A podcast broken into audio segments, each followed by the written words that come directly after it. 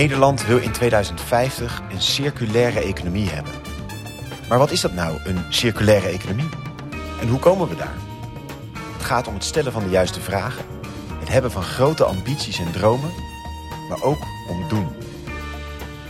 Daarom kijken we in Dromen en Doen naar hoe op hogescholen in het hele land gewerkt wordt aan de circulaire economie van morgen.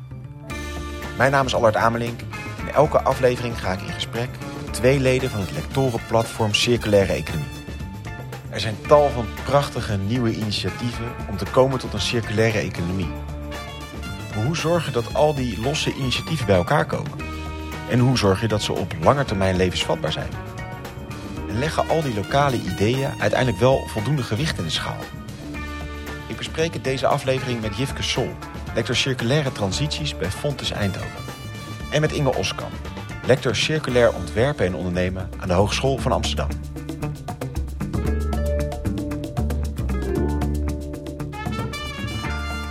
Dag Inge en dag Jifke, mooi dat jullie er zijn. Wij uh, gaan het in deze aflevering hebben over ja, een betere wereld begint bij jezelf. En dat is namelijk een beetje zo'n motto wat natuurlijk altijd gekoppeld wordt aan, uh, aan milieu en aan circulaire economie. En tegelijkertijd heb ik daar ook altijd een beetje een aarzeling bij. Want de grote vraagstukken die op ons afkomen, die zijn allemaal zo enorm. Hebben met alles te maken. Uh, hebben met wereldwijde ketens te maken. Met gigantische productieprocessen. En dan moet ik als persoonlijke consument iets daarin doen. Een heel klein stapje doen. En er zijn dan soms mooie kleine initiatieven die echt een mooie positieve bijdrage leveren. Maar ik vind die vaak toch een beetje op een zo'n ander schaalniveau. Dat ik me wel eens afvraag, gaan we daar de oorlog mee winnen? Met zulke soort, even onaardig gezegd, positieve, lieve initiatieven. Gaan we daar de oorlog mee winnen? Poeslief. Ik zou zeggen, weet je, het gaat eigenlijk om uh, je eigen innerlijke drive, purpose. Je eigen kompas, geweten.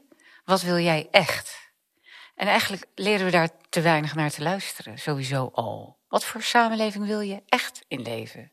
En dat betekent dat je ook mag dromen. En dat betekent dat je ook klein mag dromen en groot mag dromen. En grote dromen die komen tot stand door kleine stappen. Die langzaam maar zeker aanzwellen, waar mensen aan elkaar gaan vinden en verbinden. Waardoor er kritische massa ontstaat. Maar het kan van één persoon afhangen of er iets op gang komt. En uh, die ene persoon kan jij zijn, of ik.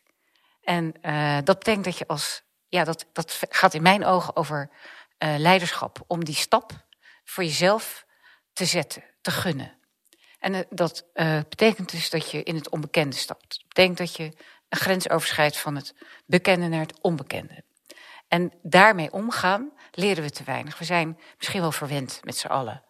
Uh, heel voorspelbaar hoe, hoe laat de trein reist, hoe duur een pakje melk is. Maar de komende tijd zullen we gaan merken dat dat allemaal enigszins disruptief wordt. Met andere woorden, het gaat een beetje scheuren.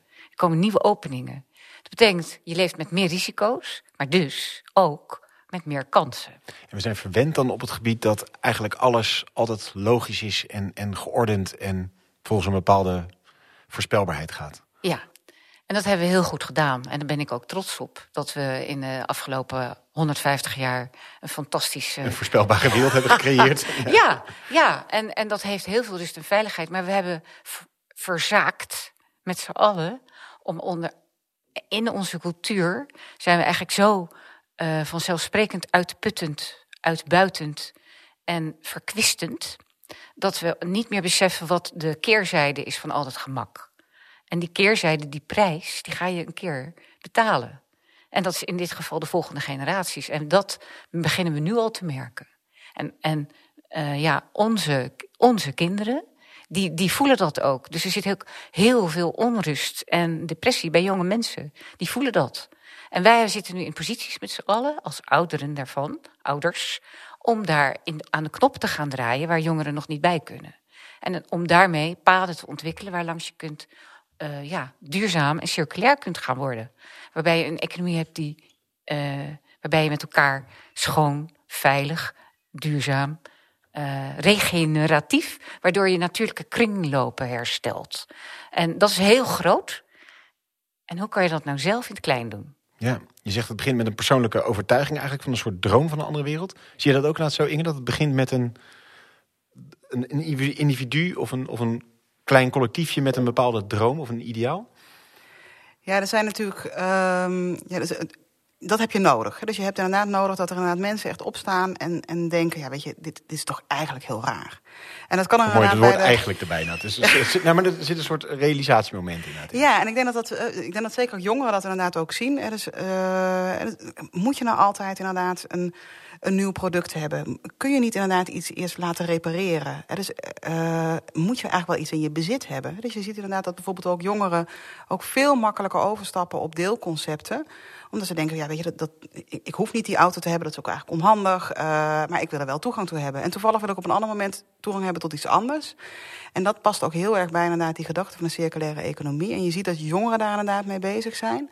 Ehm, maar ja, je hebt inderdaad voor zo'n transitie naar, een, eh, naar een circulaire economie wel heel veel van dat soort eh, nou ja, stapjes nodig. hè. Dus een, iedereen moet uiteindelijk daar, eh, daar een slag in gaan maken.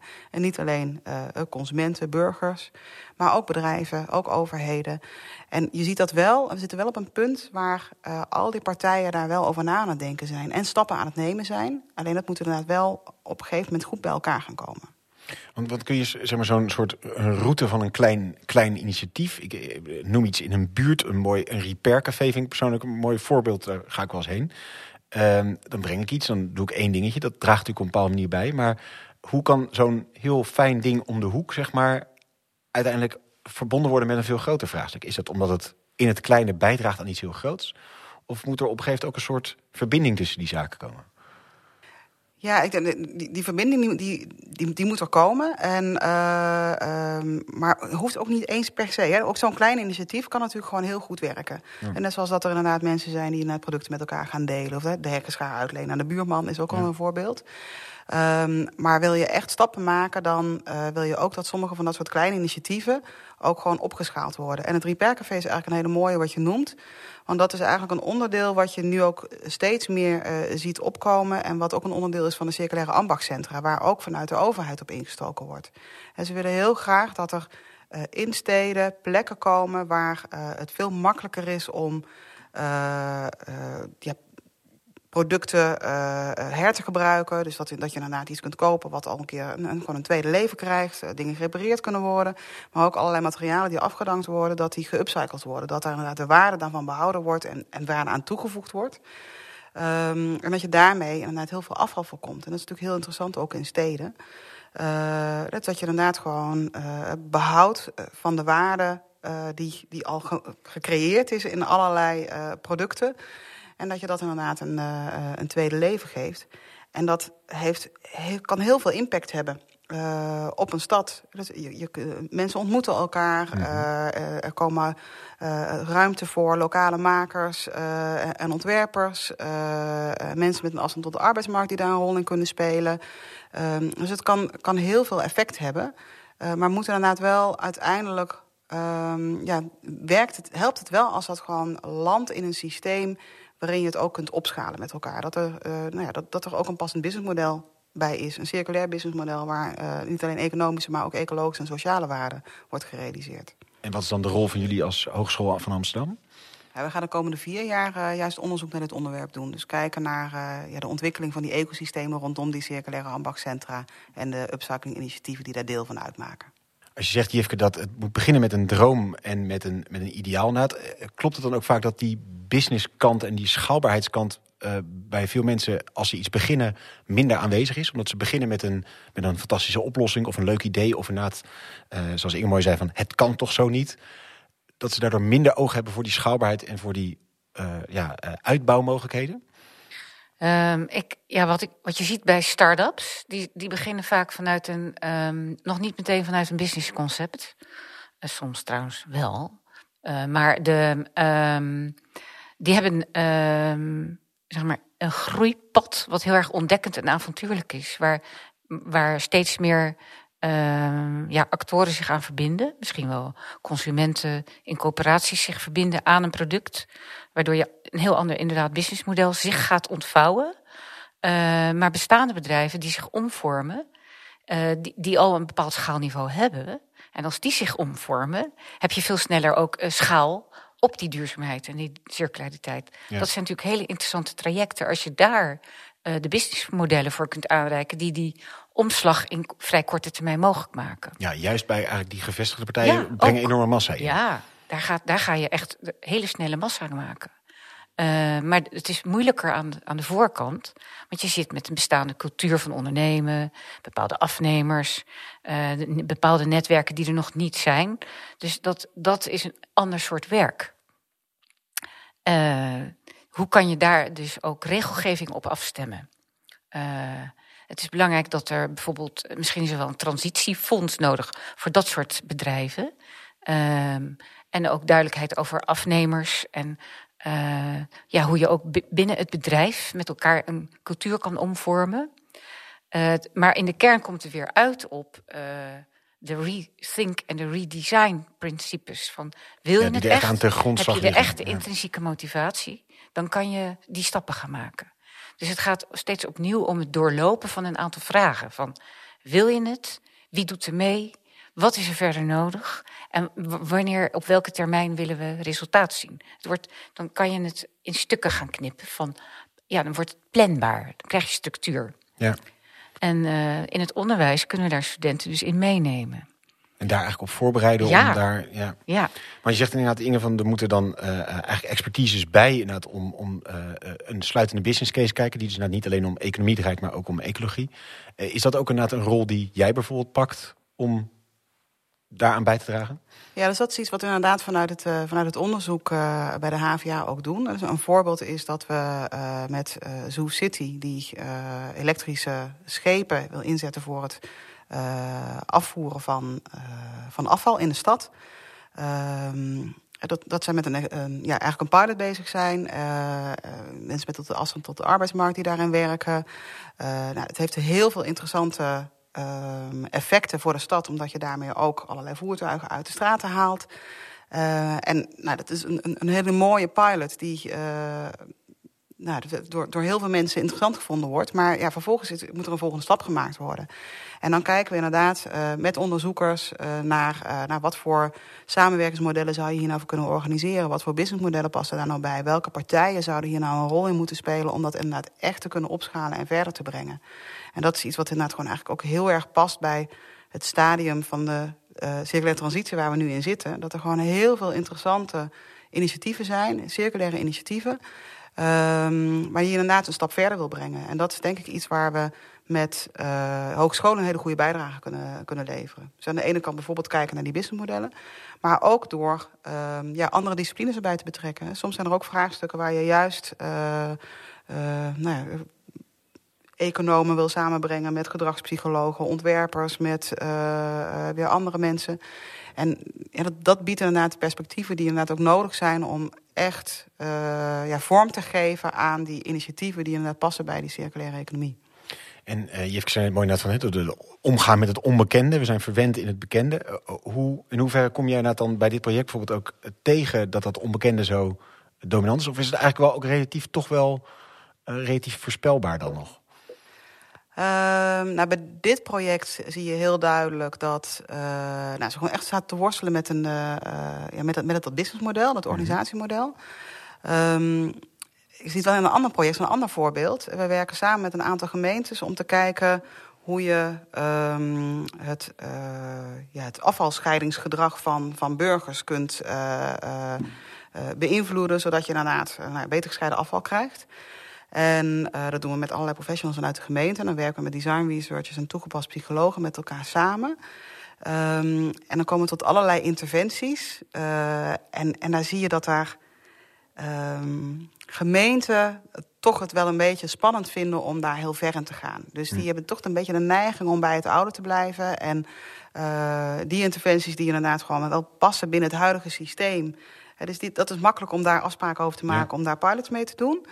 Uh, terwijl wil je echt stappen maken, zou je eigenlijk juist ook die, uh, die interventies die uh, nou, echt wel anders zijn, met elkaar willen gaan, gaan onderzoeken. En samen met, met de burgers natuurlijk.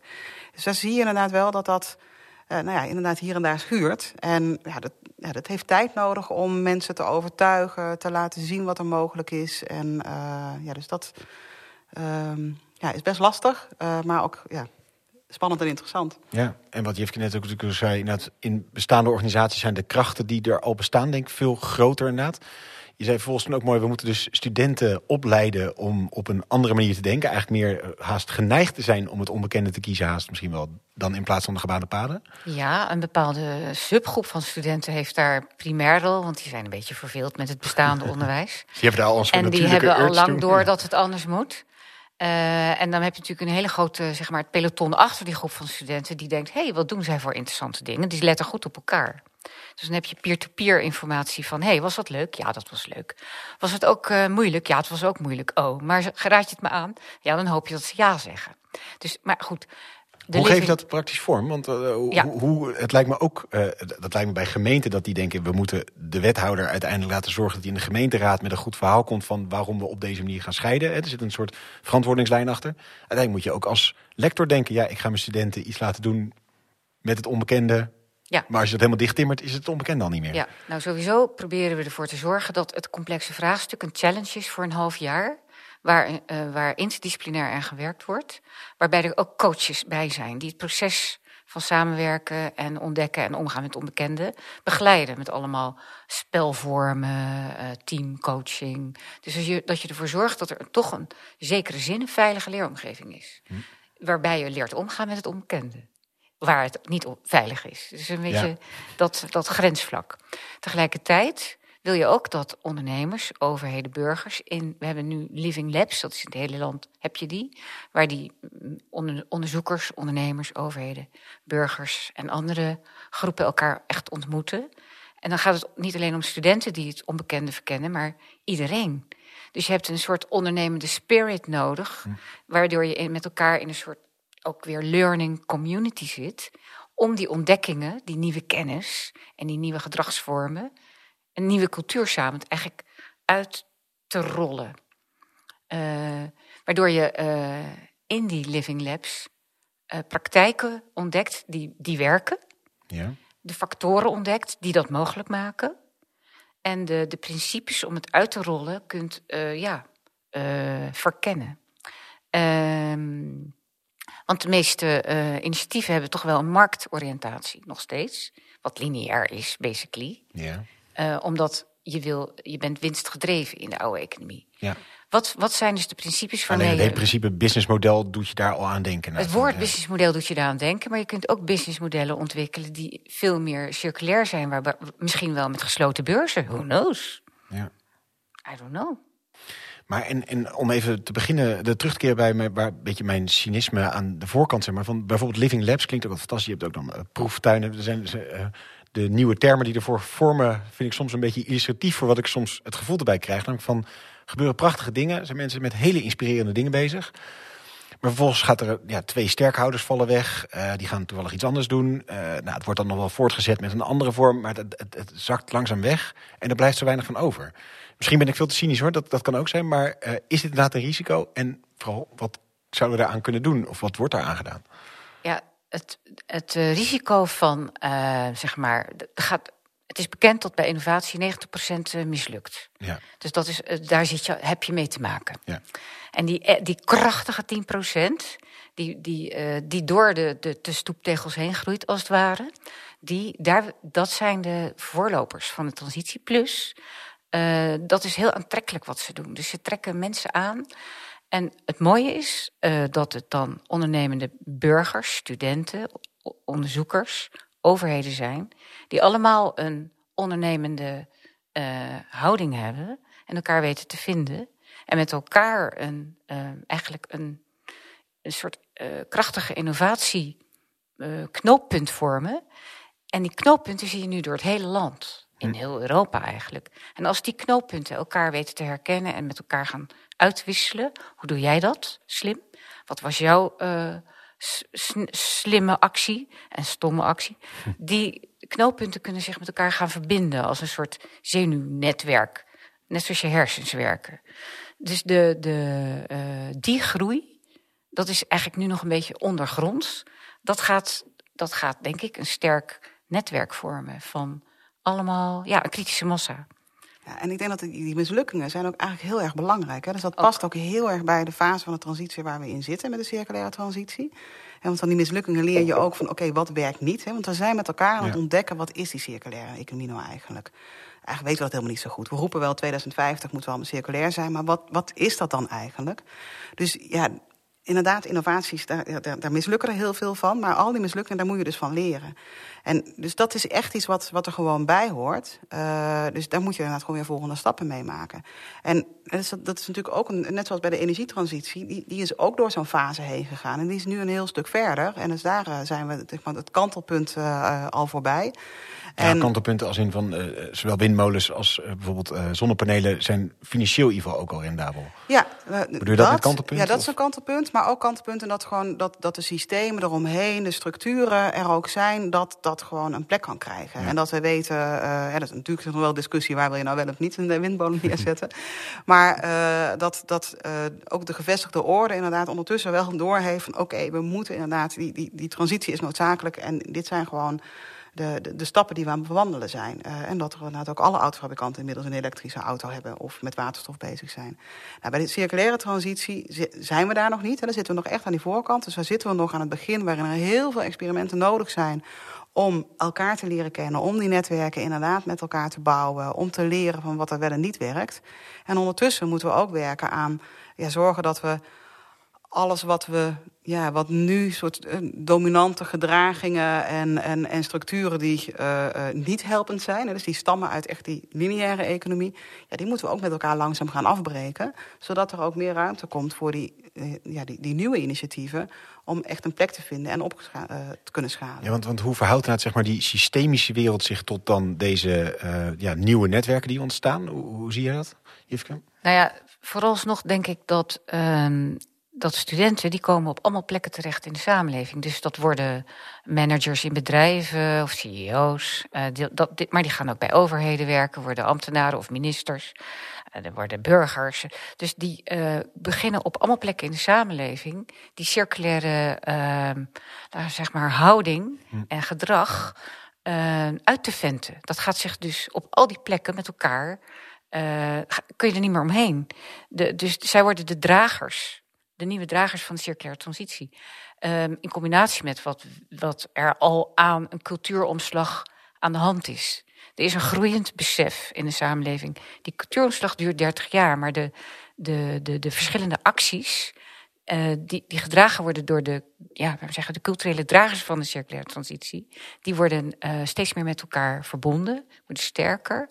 En dan komen dus ook echt, eh, laat maar zeggen, de spelregels gaan daarover veranderen. Dus dan krijg je een veel grootschaliger effect daarvan. Een klimaatwet doet iets in de energietransitie. Nou, misschien krijg je wel een katoenwet of een textielbeleid. Ik weet het niet. Ja.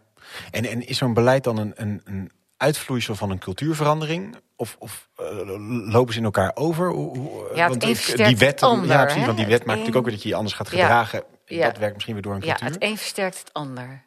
Ja. Ja. Net zoals in goede relaties.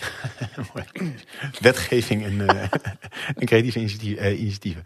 Ehm eh, Inge, je noemde net dat die energietransitie. Eh, geldt daar ook voor niet gewoon de factor tijd, zeg maar? Of, of in ieder geval welke factor, eh, welk element heeft dat? Zijn we daar niet al langer mee bezig geweest? Dat dat gewoon nodig is? Ja, Heeft- nee, dat, dat klopt. Hè. Dus daar zijn we inderdaad eerder mee gestart. En in die zin, hè, precies wat, eh, wat jij zegt, Jifke, dat, dat zo'n cultuurverandering duurt 30 jaar. Nou, een transitie En dat, dat duurt iets- gewoon dat heel een- lang. En 30 jaar is gewoon een getal van uit onderzoek blijkt dat. nou, dat is een hoopgevend getal.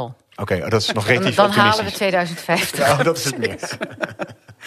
Nee, maar het is, eh, eh, ja, de energietransitie is gewoon al veel eerder gestart. Hè. Dus het besef dat we met, met energie anders moeten opwekken... is gewoon eerder gestart dan dat we eh, het besef dat we anders moeten gaan omgaan met, met onze grondstoffen.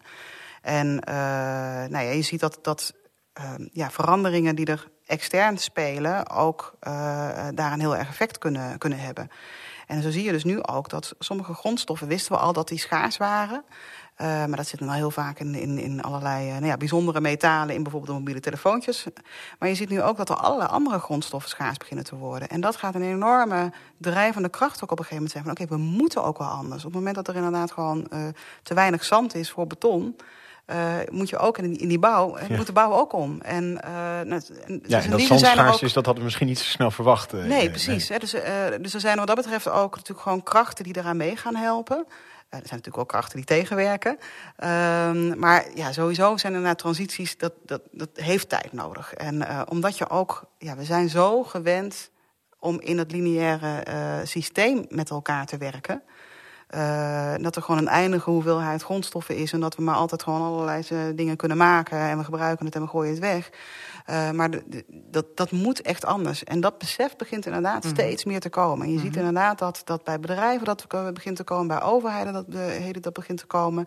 Dat inderdaad studenten, burgers inderdaad er echt op een andere manier naar beginnen te kijken. Ook denk ik dat de jongere generatie daar inderdaad ook echt wel een andere... ja, een frissere blik hebben, maar ook inderdaad ook, ook echt wel denken, maar, je, maar die snappen ook niet waarom sommige dingen zo zijn. Die vinden de circulaire economie heel logisch. Ja. Ja, en dat zijn inderdaad wel de changemakers van de toekomst. Dus, ja, dus daar kunnen we inderdaad ook gewoon een enorme eh, goede rol als hogeschool in spelen. Om te zorgen dat die inderdaad echt een goede Goed kennis hebben. eh, En zij op allerlei gaan, plekken gaan in de wereld helpen. Ja. En Jifka, als je dan kijkt naar eh, wat is dan een knelpunt? Want eigenlijk zit het nou, dus op een hele hoop punten goed. Er komt een nieuwe generatie aan die dit in denken heeft. De tijd zit in die zin goed dat er aan gewerkt wordt en de, de beweging doorgezet wordt. Wat zijn bottlenecks en, en waarin hoop je dat er een doorbraak komt, zeg maar? Zeg je van nou, dit punt, als daar meer doorspoeling komt, dan gaat het goed, zeg maar. Ja, de, dat is eigenlijk precies waar we onderzoek naar doen bij het lectoraat Circulaire Transitie. En eh, dan gaat het over de vraag van wat zijn systeembarrières, hoe kan je die herkennen? En wat zijn kritische succesfactoren? En hoe kan je die herkennen? In, door, dat doen wij door eigenlijk te monitoren wat er gebeurt in verschillende domeinen. Zoals eh, de, de, in de verschillende labs, zoals in de bouw, met Brainport Smart District het ontwikkelen van een circulaire wijk. In de textielindustrie. En hoe je daar verschillende initiatieven kan volgen in hun patronen van succes en falen door systeembarrières. In de voedseltransitie, in de meierij, in Veghel. En dan gaan we kijken naar, naar, naar kleine experimenten en grote experimenten. En in de high-tech. En in feite gaat het dan om het ontdekken van eh, ja, de patronen die een kritische massa ja, mogelijk maken en versnellen. En zijn dat dan patronen die over al die sectoren hetzelfde zijn? Zijn dat patronen die eh, ja, binnen een bepaalde sector gelden? Bijvoorbeeld eh, systeembarrières ten aanzien van voedsel? Of, of denk je dat het algehele patronen zijn, zeg maar, die voor het hele leven gelden? Ja. Alhoewel er per zeg maar, voedsel of textiel of bouw hele specifieke dynamieken zijn, Mhm. waar je rekening mee hebt te houden, hebben wij de aanname gemaakt dat er dwars doorsnijdende rode draden zijn. Die gaan over eh, het succes en het falen daarin. Systeembarrières en succesfactoren. Die, eh, ja, die zitten in het, op het terrein van eh, de, de besluitvorming, de governance, wetgeving. Die zitten in, op het terrein van, de, van het ondernemerschap en de businessmodellen. Die zitten op het terrein van de technische mogelijkheden. En vooral met name leggen wij de fo- focus op het sociale innovatie en het gedragsdomein. Hm. En hoe dat met elkaar verbindt. Ja, dus op die vier terreinen verwachten jullie zowel barrières als kansen. Ja. Het is eigenlijk naar die laatste, ja, een beetje bijna bewustzijnscomponent, zeg maar, die ja. Ja. cruciaal is. Ja, zo Ja. zien we dat. Precies. En wat is hier een beetje het tijdpad van, van dit eh, onderzoek? Eh, we denken dat we in de komende vier jaar eh, veel bouwstenen kunnen ontdekken. Mhm. En dat we in de vier jaar daarna, dat we echt wel outreach kunnen krijgen. Dat we echt wel beleidsadvies kunnen doen. En veel ja, meerschalig kunnen werken. Kijk. Inge, als we dan nog even wat verder kijken. Niet eh, vier jaar of acht jaar, maar eh, even 2050 weer als horizon pakken. De, de, de cultuurveranderings de, 30 jaar. Ehm, hoe zou wat jou betreft de wereld er dan uitzien als we kijken naar dit hele thema? Nou, ik denk dat ehm, die circulaire transitie echt heel erg zichtbaar is in eh, eh, stedelijke regio's. En eh, omdat daar natuurlijk gewoon heel veel mensen en activiteiten op een relatief klein oppervlak bij elkaar komen. En als ik dan daarna denk van nou, hoe ziet dan zo'n circulaire stad in 2050 uh, eruit? Ja, dan, dan is daar gewoon echt een, er zijn een kringlopen van materiaalstromen, uh, reststromen, uh, waarin in de, in behoeftes van de stad en de burgers wordt, wordt voorzien. En dat betekent dat uh, vervoer elektrisch is en, en, en wordt gedeeld. Dat producten onderdeel uit, deel uitmaken van diensten en worden gerepareerd en hergebruikt. Dat bouwen gebeurt met, met reststromen en met biobased materialen. Dus, dat gaat er echt anders uitzien met elkaar. En uh, dat betekent dat er gewoon veel minder grondstoffen een stad ingaan en ook veel minder afval hm. eruit. En ondertussen creëren we ook steden die leefbaarder zijn, uh, duurzamer uh, en nou, onafhankelijker. Ik denk dat dat is, dat is wel het beeld wat ik heb bij inderdaad die circulariteit. om, als je dat echt nou ja, een, een beeld visualiseert, ja. inderdaad, ja, dan, dan ga je dat in steden denk ik heel erg mooi zien. Ja, ik, ik denk dat de, de, de schaal waarop we produceren en consumeren kleiner kan worden. De, de, de, de sociale relaties uh, ja, zorgzamer worden. Minder ik, meer wij. En dat we ons meer bekommeren om uh, wat natuurlijke kringlopen echt zijn. En dat je je daar ja, gezond, veilig en happy bij voelt. En ik denk zelfs dat uh, er meer liefde zal zijn. Kijk, ja. mooi. En daarmee past het denk ik uiteindelijk terug. Eh, ik, ik neem een cynisme wat terug inderdaad. Want uh, als je het inderdaad ook schetst, ook van, hè, dat het binnen die stad blijft, dat het over die menselijke relatie ook gaat, is dus uiteindelijk ook die kleine schaal heel belangrijk. Het is niet ja. dat het van die kleine schaal naar multinational moet, nee. maar het moet juist in die kleine kringen gaan gebeuren ook. Uh, ja, en af en toe mag je natuurlijk wel bananen of koffie invoeren. Ja. koffie, ja, koffie verbouwen, hopelijk is het klimaat niet zo veranderd dat dat heel makkelijk kan dan in Nederland. Nee, we zijn net maar een schaalgroot. Ik wil niet per se zeggen dat alles dan meteen in hele grote hoeveelheden uh, moet zijn. Hè. Dus dingen opschalen kan ook het herhalen van bepaalde initiatieven op ja. meerdere plekken zijn. En dat je inderdaad wel degelijk gewoon inderdaad hele lokale, kleine kringlopen realiseert.